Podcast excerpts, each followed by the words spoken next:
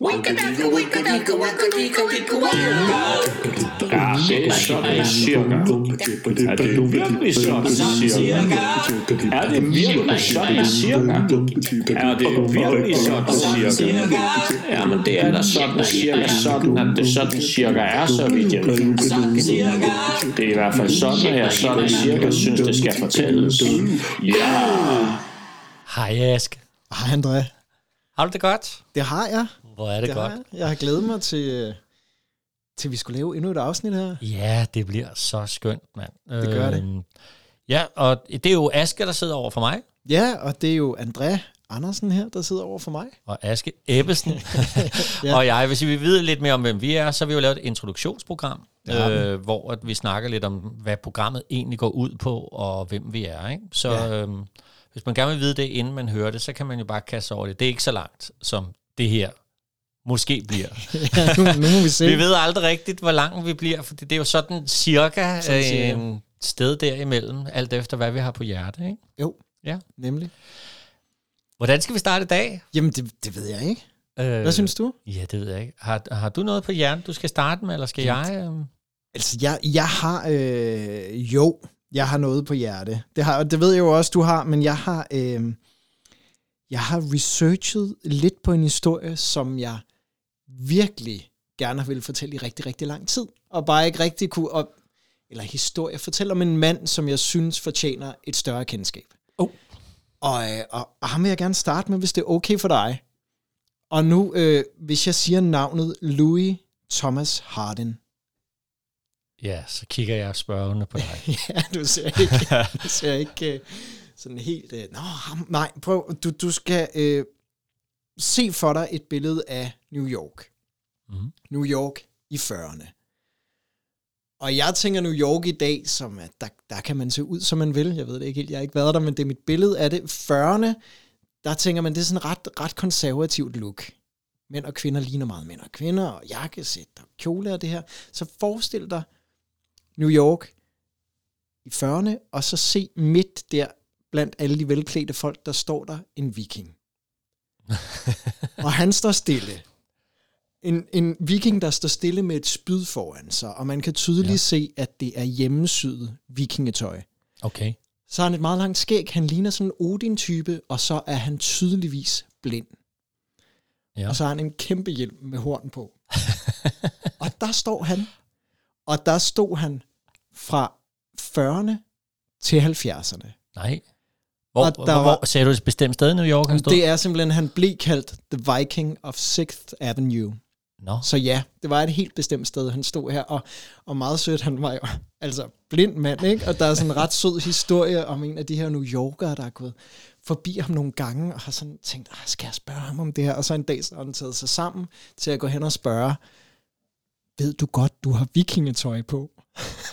Han jo var blind, så han tænkt, at han ikke, han ikke vidste det selv. Men det vidste han godt, selvfølgelig. Okay. Det var helt overlagt. Øh, Louis Thomas Hardin, han blev også kaldt øh, Moondog.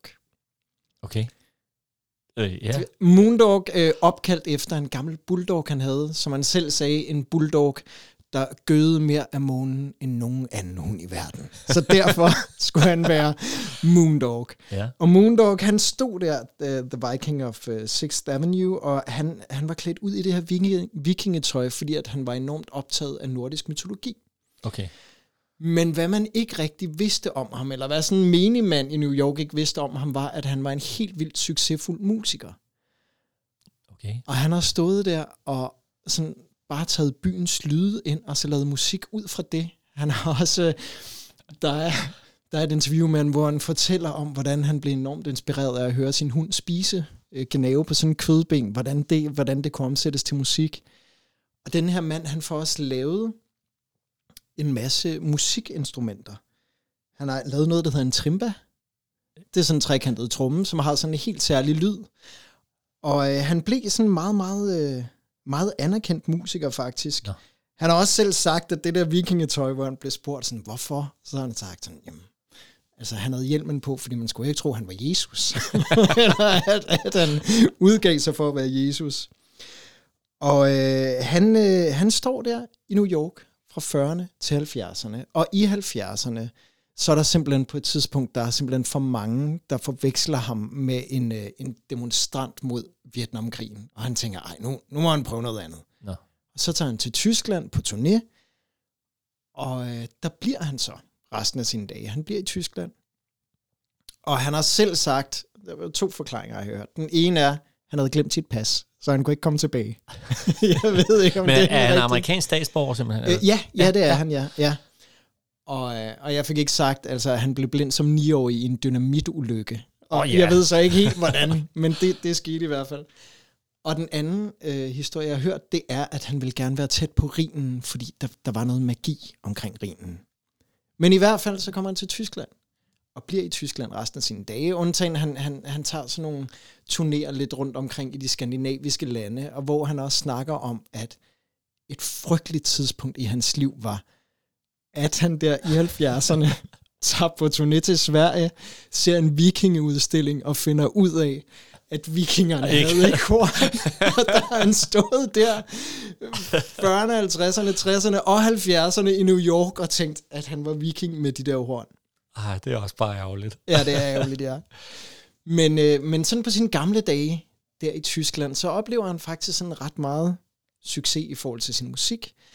Og han har også noget med tallet 9. Og han er en mærkelig mand, og jeg ved ikke hvorfor, men han har bare sagt, tallet 9, det kunne noget helt særligt. Det var, det var helt særligt magisk.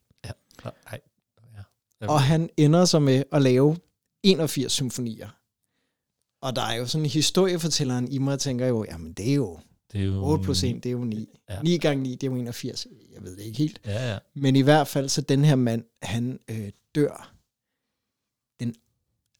Ej, altså, han, Ej, skulle den- lige, han skulle have ventet en dag, og jeg tror, han er strabt efter den dag, fordi at han dør den 8. i 9. 1999. Nøj. Og det var tæt på at være den mest nidede dato øh, før Eller, år 9000 et eller andet. Ja.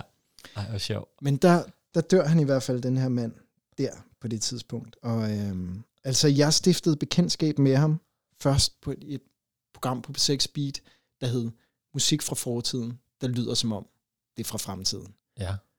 Og hans musik er sådan helt særlig, helt, helt sin egen.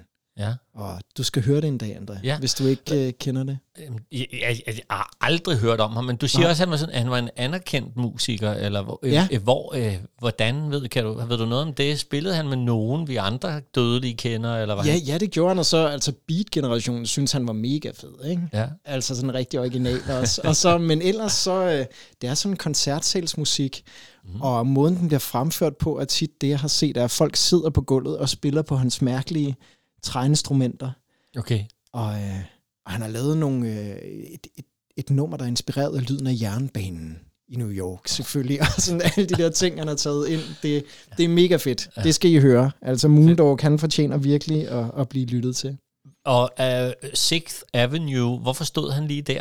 Det aner jeg ikke. Det ved jeg. Det aner jeg ikke, men han har sikkert haft en idé om, hvorfor han skulle stå. Fordi det han er står der virkelig- meget fast. Ja. Altså, prøv at google ham. Han står der med sit spyd. Og så det, det mest billede af, at han står der med sit spyd, så er der et enkelt billede, hvor han står med sådan en sodavand fra McDonald's eller et eller andet. Det ser helt mærkeligt ud til resten af hans outfit. Øh, Så man, men for, man forventer ligesom at møde ham, hvis man gik på Sixth Avenue? Er Ja. Det, det, det er Ja, lidt ja, ligesom folk- ham folk, de der, vidste, han var El. Diablo på Alp, Alp d'Huez, eller hvad det hedder, hvem han er skal det? være der. Nå, ham fra Tour de France Ja, selvfølgelig. ja, Ja, det er ja, ja, Ja. det er rigtigt. Ja, ja. Ja. Ej, hvor sjovt. Jamen, det var, øh, det var lidt om Moondog. Ham skal jeg sgu da lige Ja, det skal du. tjekke ud. Det skal du. Han er fantastisk. Han lyder sjov.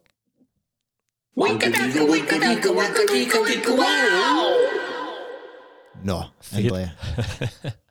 Hvad, Jamen, Jamen, øh, øh, hvad, hvad har du med? Hvordan skal man komme efter det? Jamen, jeg er sådan lidt mere jo, øh, og det tror jeg på nogen måde også kendetegner os to jo, at, at øh, jeg går sådan lidt mere på de store sådan historiske vingesus nogle gange. Ikke? Eller, Ja. Jeg har faktisk en historie, jeg rigtig gerne vil fortælle om en fantastisk personlighed. Øh, Ja.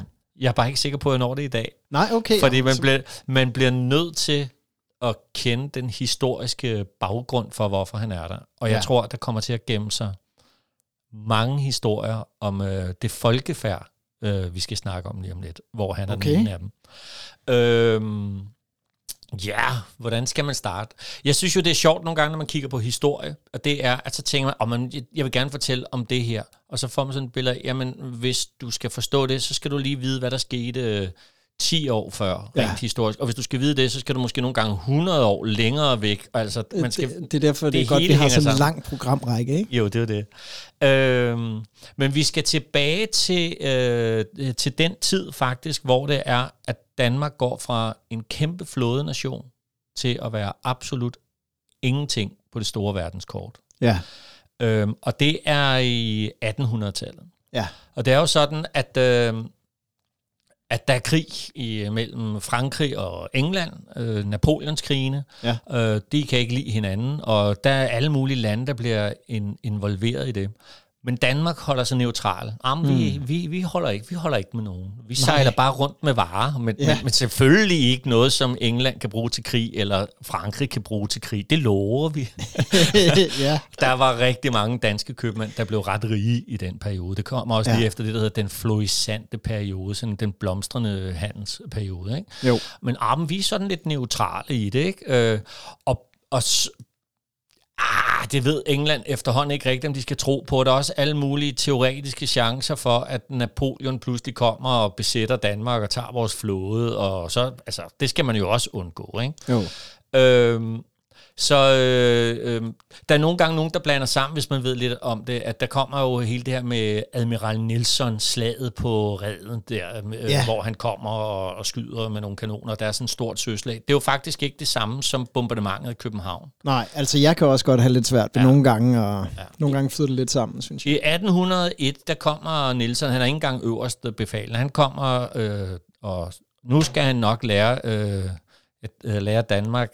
Var det dig, nej, nej, nej, nej, det var en, der kom en lille lyd fra, der står sådan en kongatrum, hvor skinnet giver sig en gang imellem. Ah, meget Dong. hyggeligt. Ja. ja.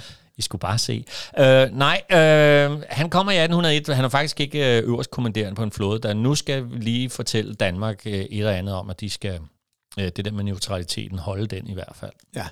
De, øh, de kommer, øh, det, der sker alt muligt. Der, der er et, et søslag ude foran København. Der er en stor forskel på det og det, vi skal snakke lige om lidt, fordi det er sådan et, hvor det er, det er sådan en helt turistattraktion. Okay. For øh, folk, folk, de står inde på kajen og siger, åh, oh, se, der er de engelske. Åh, oh, nu skyder ja. danskerne mod, åh, oh, flygt, flygt, åh oh, ja, de klarede den. Og at man står simpelthen og kigger på det der store søslag, fordi det foregår imellem de to flåder, ikke? Jo. Og det er her, hvor at øh, faktisk så får øh, Admiral Nielsen, han får, øh, han får besked om, at han skal, at der er retræte, at nu skal de opgive det, han er gang i, og så sætter han sin kikkert for sit blinde øje og siger, hvor jeg kan ikke se noget flag, fortsæt. er der sådan en fed historie om. Og så sker der en masse ting, som gør, at øh, Danmark i princippet taber slaget. Ja. I virkeligheden så kommer Nielsen også ud af det, ikke som en stor vinder, fordi han laver en strategisk øh, administrativ fejl. Ved du hvad, den tager vi en helt anden gang. Okay. For det var i 1801. Ja, ja, ja, men jeg glæder mig til at høre om det. Så går der sådan en anden historie om øh, heroppe i Helsingør, hvor jeg jo bor, at øh, i 1807, Ja. Der, det, det er sådan en helt, også en turistdag, fordi der uh, ude i vandet, der ligger der nogle store, flotte skibe, og der er lidt med de der englænder, jo sådan rent uh, politisk, og den uh, eng, uh, engelske, englænderne har sagt, hvad, hvis ikke uh, I bruger jeres flåde til krig, kan vi så ikke lige få lov til at holde den, indtil krigen er færdig, uh, så vi okay. bare tager den i pant, og det kan man jo ikke sige ja til som dansk uh, nej, nej, nej. flådenation. Men... Uh, Øh, så der er lidt, men, men nu ligger de derude i skibene, og nej, og folk de sejler ud i sådan nogle øh, færgejoller. Øh, dengang, da når man skulle ind til land her i øh, Helsingør, der var skibene for, for store, så man blev hentet i sådan nogle færgejoller. Det er sådan nogle store joller, hvor der er plads til sådan 12-15 mennesker i. Ikke? Ja. Øh, og færgemænd, dem var der 80 ansatte af på det tidspunkt, hvilket er ret meget. Det fortæller, hvor meget øh, trafik der var. Ja, det er jo Nå, helt vildt. Men folk sejler ud og vinker til de der englænder, der står der i deres røde uniformer. Hej, hej. Og nogen tager ind og opmagasinerer proviant, og hej, hej. Og så sejler ja. de videre. Ja, vi ses. Altså, det jo simpelthen det gladeste maleri, du har lavet ja, ja. der. I, ja. Hej, hej. Det er i hvert fald sådan cirka sådan, det ja, er blevet ja. fortalt heroppe. Ikke? Om jo. det så har været sådan, det må jeg lade nogle andre om at bestemme der blev ikke smilet lige så meget, da de kom tilbage igen jo, Nej. englænder, for de sejlede direkte ind til København, og så bombarderede de, så de smed bare granater og sådan nogle nyopfundne raketter og alt muligt bombarderede øh, København i, tror det fire eller fem døgn, hvor, der, hvor der, det bare regner ind. Nogle ja. kalder det også for verdens første terroraktion, øh, aktion, fordi der, de havde ikke erklæret krig. De kom bare, og så begyndte de. Og det endte med, at kronprinsen, kongen, han var skørt engang, så kronprins Frederik, han måtte, øh, han måtte overgive sig. Og så tog de hele den danske flåde med. Og det svarer altså til 90.000 egetræer. Ja. Ej, hvor er det vildt. det er så meget, som den danske flåde var bygget af. Ikke? Ja. Øhm, og dem sejler de hjem med. Man siger, at da de kom forbi Helsingør igen, der kunne man ikke se øh, land over på den anden side, hvor der ellers smallest med alle de sejl, der var. Så de har bare taget alt ja. øh, fra os. Så nu står den danske flåde, øh, flåde uden en flåde. Vi har, vi har ingenting her i, i landet. Ikke? Det første, man gør, det er selvfølgelig at tænke øh, strategisk. Vi skal have en ny flåde vi planter noget nyt egetræ. så om 200 år, så er det klar til at bygge af. Så man planter, ja. øh, jeg, kan ikke huske, det er også et eller andet kæmpe tal af, af egetræer, sådan så man kan få sådan en ny flåde. Ikke? Jo. Øhm, det fede er, at der går en historie om, at øh, i 2007, altså 200 år efter, så er der, så er der en eller anden egetræsansvarlig. Jeg ved ikke, hvad sådan en mand han hedder. han skriver simpelthen til krigsministeren, så er egetræet klar til deres flåde. er det ikke sjovt? De står rundt omkring i Danmark og hedder flåde e og de der. Ja. Det er ret sjovt. Men tilbage i 1807, nu har vi bare ikke nogen flåde længere. Nej. Men nu er vi jo i den grad i krig med englænderne. Ja. Så hvad gør kongen, eller kronprinsen? Han må skabe sig en, sin egen flåde. Og så begynder han at udstede det, der hedder kaberbreve. Ja. Og her starter alt det, jeg gerne vil fortælle om. For en det. kaber, ved du hvad det er? Men det er en sørøver, ikke? Ja, det kan man sige. Ja. Det er øh, sagt sådan lidt, lidt, øh, lidt øh, moderne måske, så er det en, der har fået lov af kongen til at bedrive sørøveri, så længe det er mod nogle af landets fjender. Ah, øh, og, så kan man, og så kan du pludselig ikke blive uh, taget som sørøver, og dermed hængt og jul og stejl. Så er du med i noget andet krigspolitiske uh, regler og sådan noget. Ja.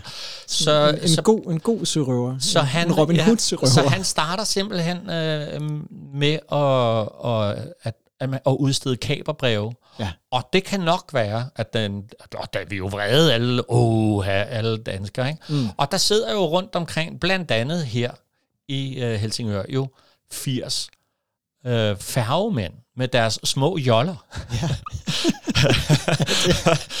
Altså, det, du kan da ikke bruge din jolle til at, ja, du kan jo ikke bruge din jolle til at angribe et engelsk krigsskib. Jo, jo, jo, jo, det er bare, så, øh, jamen, du, hvis du har en kanon ombord, så, ja. så synker den jo. Ikke hvis det er en swingbasse. Okay. og en swingbasse, det er så sådan en lille øh, kanon. Nej, så de, så de gør det øh, simpelthen? Ja, altså, det, ja, det skal være. Ja, ja, så, så monterer man, ja. så monterer man sådan nogle swingbasser, sådan en lille forestiller sådan en skruetving på siden ja. af dit, øh, din færgejolle, som sådan ligesom kan svinge sådan en lille bassekanon, ikke? okay. men øh, som ikke vejer så meget, så kan man bum, skyde med den. Og hvis ja. man så ikke har nok krudt og sådan noget, kniv og gafler du. Alt, altså alt, der kan sige bum og flyve ja. i retning. Og sådan starter øh, altså en periode på øh, fem, jeg tror det er 5-10 år, det, kan, det skal jeg lige tjekke op på. Ja.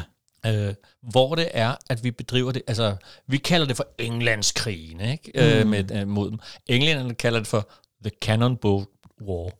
okay. Kanonbådskrigen. ja. Fordi de bliver bare hele tiden angrebet af sådan nogle undskyld udtrykket, røv irriterende ja, små færgejoller med ja. svingbasser på. Ikke kun her fra Helsingør, men det er jo hele kysten til Østersøen. For, øh, også op fra Aalborg kommer der mange. Altså, fordi det er, hele, okay. det er hele den flaskehals, der er jo, man skal forbi, hvis man skal til Østersøen. Ja. Den bliver bare fyldt med sådan noget. Det er et smukt folk, billede, der, er, der, var... der begynder at bedrive uh, kaberi. Ja. Og der er nogle typer, og det er bare dem, jeg så godt vil snakke om, og jeg ved ikke, om jeg kan nå ham, jeg gerne vil snakke om i dag, men, men øh, øh, jo, det, jeg synes, der... Jeg vil gerne høre det. Okay, det er, ja. Det, kommer, det, det, der er så sjovt ved det også, det er, at man får sådan et billede af og sørøver, og hvordan de så ud, og sådan noget. Og det fede er, at der altså på nogle områder, som det man kan læse sig frem til, så er der en lille smule Pirates of the Caribbean okay. over det. Altså blandt andet, altså det her, det har simpelthen så svært ved at tro folk på noget, jeg har læst, men det har jeg. Ja. Ved du godt, hvorfor sørøver har en klap for øjet? De kan jo ikke have mistet øh, øjet alle sammen. Ej, det lyder som sådan en, øh, en børnegåde jo. Ja. Men, øh, jeg, nej, jeg har ikke rigtig noget... Uh... Det er krigsførelse, du. Altså, hvis, øh, det, er jo nette, det er jo bedst at angribe, angribe et skib om natten. Det er Ja. klart. Men så kan man jo ikke se noget. Nej. Med mindre, hvis Nej. du har haft en klap for øjet er hele smart. dagen, og så skifter over om nat, så har du jo fået så man natsyn. Nat. Ej, hvor er det vildt. det, det hedder med fedt. Og så er der en kaber fra øh, Hornbæk, der hedder Lars Råber. Han har skrevet sådan en lille notits, du ved, sådan nogle gode anbefalinger, hvis man Ja. skal være, være kaber, hvad man lige kan gøre, ikke? Jo. Øh, det kan betale sig, skriver han. ikke at være særlig mange ombord på sin øh, jolle der. Ikke? Igen ja. er det jo sådan nogle på 10-15 mand. Ikke? Ja. Øhm, hvis man dæk, gemmer sin øh, besætning under en præsending, Ja. ja. så sætter man en op foran, iført en kjole og sådan en lille parasol, Øh, og så er der en, der kan styre båden med en, øh, med en gammel pip. Så ligner man sådan en ung mø og Ej. en gammel mand, der kommer sejlende i sin jolle. Og så kan man komme rigtig tæt på, før det er, at de virker mistanke. Det er rigtigt, det lyder som en røver. Jeg forstår ja. godt, hvis du siger, at folk har svært ved at tro, du har læst det, fordi det lyder jo helt, øh, helt Men det er sådan cirka det, Lars Råber han har skrevet. Ja. Og så har han nemlig også skrevet, at man skal ikke have, man skal ikke have svær Nej, okay. og sådan noget kåre, fordi når du skal kravle op ad reglingen, så kan du komme ind mellem benene. Og sådan noget. altså, så det er noget rod. Ja. Så det er jo bedre at have sådan nogle, jeg kan ikke huske, hvad de hedder, sådan nogle halvlange knive. Sådan Øh, dakker, eller sådan ja, men det er nummeret, ja, ja. det hedder noget andet. Ja. Øh, og- og den kan man så også lige have i munden jo. Ja. Op. Ej, hvor, Så det der billede der, Jamen, er det ikke det er fantastisk? Jo fantastisk. Ja. Ja. Det er jo sådan en helt klassisk øh, tegneseriesørøver, vi har der, ikke? Det er det nemlig. Så sådan nogle historier er der mange, og så er der rigtig mange historier om nogle af alle de ting, de har lavet. Ikke? Ja. Og der, øh, der er der altså også en historie om en af personerne herop, som jeg tror, jeg gemmer den til en anden dag, fordi okay. Den, er, den er lang i sig selv. Ja. Men, men jeg tænker, nu er det her lidt en optag til, fordi at hvem vil ikke gerne høre sørøverhistorier? Ja, og dem er, der et, gerne. dem er der et hav af, vi kan komme til at smide ind i denne her serie. Ja. Men det er sådan cirka opdraget til, at alle de der kabere, der begyndte, der begyndte at arbejde for, for kongen, ikke? og så fik lyst, lov til jo at beholde prisen, som det hedder. Altså de handelsskibe, de så fik fat i, dem øh, fik de så penge for i auktion og så videre. Ikke? Men ved du, hvordan det gik for nogle af alle dem, der var ude med, med svingbasserne? Så altså er der... Yes. Ja, Masser af historier og, om dem, og de blev rige. Der var mange af Ja. dem, der blev rigtig rige. så de, så de overlevede faktisk mange af dem. Altså, de lavede de der snigerangreb og kunne ikke... øh, Ja, ja, ja. Altså, Og det, det man jo lærte sig, det er, at øh, man, øh, man gjorde det, og det var jo tit, så kommer der en, en engelsk handelsflåde. Det er jo dem, der var det interessante. Man skulle ikke bare angribe krigsskibene. Det ville jo være fjollet, vel? Det, man skulle have fat i handelsskibene, fordi Ja, dem var der penge i. Men de var jo så under øh, bevogtning og så videre. Men så forestil dig en gang, de kommer sejlende. Hup, se der, der kommer nogle sejlende der. Dem skal vi da efter. Og så er allerede op fra Aalborg og Skagen, der begynder der at komme sådan nogle små skibe, som holder sig fra skudafstand. Ikke? Ja. La, la, la, Det er sådan nogle små da, da. brumbasser, ser man og for så kommer Der var også, så øh, kommer der også nogen fra Hornbæk, og så kommer Ja. ja. der, så man har sådan nogen liggende efter sig, der holder sig ude af afstand. Ja. Og, øh, og, og nogle af de her store krigsskibe dengang, sådan nogle, øh, øh, hvad fanden hedder det? Øh, jamen, de var jo bedst til at forsvare sig med siden til, fordi der Ja. ja. havde de alle kanonerne. Øh, så, det var, så det der med at følge efter dem, var Ja, jo ja, ja, ikke har et været, problem. øh, Så det var noget med, og, og så når vinden stod på en bestemt måde, så kunne de der linjeskibe der, tror jeg det hedder, Ja. de kunne ligesom ligge forkert, og så kunne man ellers komme og sådan noget. Ikke? Ja. Og ham, som jeg vil fortælle om i et senere program, Ja. ja. kan jeg fortælle, den, at da det var, at der begyndte at blive udstedet kaberbrev, der gik der tre dage, til han havde sit. Okay. Altså, han, han skulle bare det der. Og, der havde, han- og så spurgte han, om man kunne få det med tilbagevirkende kraft, for han havde jo allerede været ude af Europa et skib. Okay. så øh, ham kommer du til at høre om en anden Jamen, dag. Ej, og hvem, Øhm, hvem er det, André? han hedder, han hedder, blev kaldt for Fløjelslind, på grund af det tøj, han gik rundt i. Ja. Manden, der ifølge nogle af savnene, når det var markedsdag, går ned på markedet, åbner sin kiste fyldt med sølv eller guldpenge og siger, alle de borgerlige og rige, I kan tage med venstre hånd, alle de fattige, I tager med to hænder. og så fik de ellers lov til at tage penge op. Altså, så mange penge havde han efter sine. Ja. Og det, der har været fascinerende for mig, ved lige at følge op på det, det er, øh, hans hus, han boede i, i Helsingør Strandgade 1. Det kan man gå forbi, mm. og der er et lille mærke. Men han endte med at bo øh, ude på landet i noget, der hedder Rørtang, som er her, hvor vi sidder. Ja. Så, øh, så jeg har været nabo med Jens Lind. Jeg tager ham Ej, altså hvor en anden dag. Ja, Er det ikke en meget god Jamen, teaser? Jo, jo, jo, for pokker, jeg glæder mig. Det kan du også roligt høre gøre. Og sådan cirka. Ja. Fed historie, André. Ja, eller Og, og sik, sik, sik, en, uh, sik en teaser. Jamen, jeg har et rigtig godt billede. det er også bare et fedt ord, ikke? Jeg skal have min svingbasse med. Så tager du svingbassen. det er jo fantastisk. Ja. Jeg har en lille historie her, og det er fordi, jeg bor jo på Nørrebro. Mm-hmm. Nu sidder vi jo i Gure, men, men jeg bor på Nørrebro, og øh, assistenskirkegården. Jeg elsker at gå igennem assistenskirkegården, og det er også sådan, altså, nu afleverer også min øh, søn i børnehave, sådan at vi kører igennem assistenskirkegården, hvilket så også gør, at min søn, når han leger med biler, så er det sådan, hvor, hvor kører du ræsen hans assistenskirkegården? Det er jo Ja. bare det, det er der, man kører rundt, ikke? Men der er så mange, øh, der er jo så mange gravstene, der fortæller alle mulige historier. Der er en med, som jeg også kører forbi dagligt, med Theodora, som er født from, død grum. det er altså mange, mange gode historier. Jeg aner ikke, hvem hun var. Men den, øh, den gravsten, jeg lige vil fortælle om, fordi på assistenskirkegården, der er der jo en masse kendte personer, der er blevet begravet, og det er jo rigt beskrevet af her. Nej, der ligger H.C. Andersen og Søren Kirkegaard, og så, ja, på alle mulige måder kan man finde info om dem, som, øh, som kirkegården har, har lavet. Men når jeg kører der til børnehaven med min søn, så er der altid lige et sted, hvor jeg kan se øh, op af en mur til højre, at der er en elgammel grav. Og der ligger altid blomster på den. Og der er ikke noget ved den grav, der sådan altså Nej. der, der indikerer, at det skulle være nogen særlige. Og så har jeg øh, lavet lidt research på den, og der, der er øh, Jakob Christian Milling begravet. Milling. Milling, og det siger der heller ikke Nej, noget, gør altså. M-I-L-L-I-N-G. Ja, Ja. præcis. Jakob Christian Milling, og graven er fra 1912. Og jeg har fundet ud af, at han var en af de danskere, der gik ned med Titanic. Nej. Og det er der ikke rigtig noget, øh, altså man, man kan ikke, øh, der er ikke nogen skilte, der siger, "Uh, det her er særligt på den måde, men der er åbenbart nogen, der går og lægger blomster på den grav. Nå. Ja, det er ret sødt. Du Og skal ikke lige sende en tanke til, hvis det er nogle pårørende, så sender vi lige en tanke til dem. Det synes jeg, vi Ja. skal. Jo, Nå, hvad så? Og der er det, at han øh, lige før han tog afsted, der skrev han et postkort til sin, øh, sin kone Augusta, der boede i Odense. Og det første, han skriver på det her postkort, før han stikker afsted på Titanic, det er, det der er det sidste, du hører fra mig på denne side.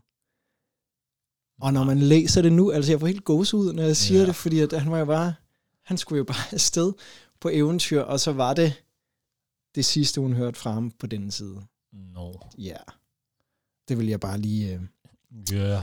fortælle om. Den kære no. Milling. Ja. Kære Milling, han ligger derinde. Og man kan se det, hvis man er på assistenskirkegården. Der er et sted, hvor der ligger tre store sten. Og når man er der, hvor der ligger de tre store sten, og ret tæt på øh, Nørrebros Runddels metro. Så derfra så kig lige, og så se, hvor der ligger friske blomster, fordi at der er gamle grave, der ligger der. Så Fedt. Nå. der er han. Men det er jo bare det. Det er det. Så mangler vi bare en lang smør. Det gør vi. Skal jeg lige tage den Ja, en vil gang du have til? taget den, André? Det gør jeg. Jeg tager lige mine briller på, og så er jeg klar. det er i orden, du. Du har lyttet til Sådan Cirka, der er produceret af André Andersen Teaterkompagni, tilrettelagt og indtalt af Aske Ebbesen og André Andersen. Du kan læse mere om vores podcast, liveoptrædener og byvandringer på sådancirka.dk, andreandersen.dk og askeebbesen.dk. Du er også velkommen til at følge Sådan Cirka på Facebook-siden af samme navn. Det var Sådan Cirka den lange smør. Vi høres ved.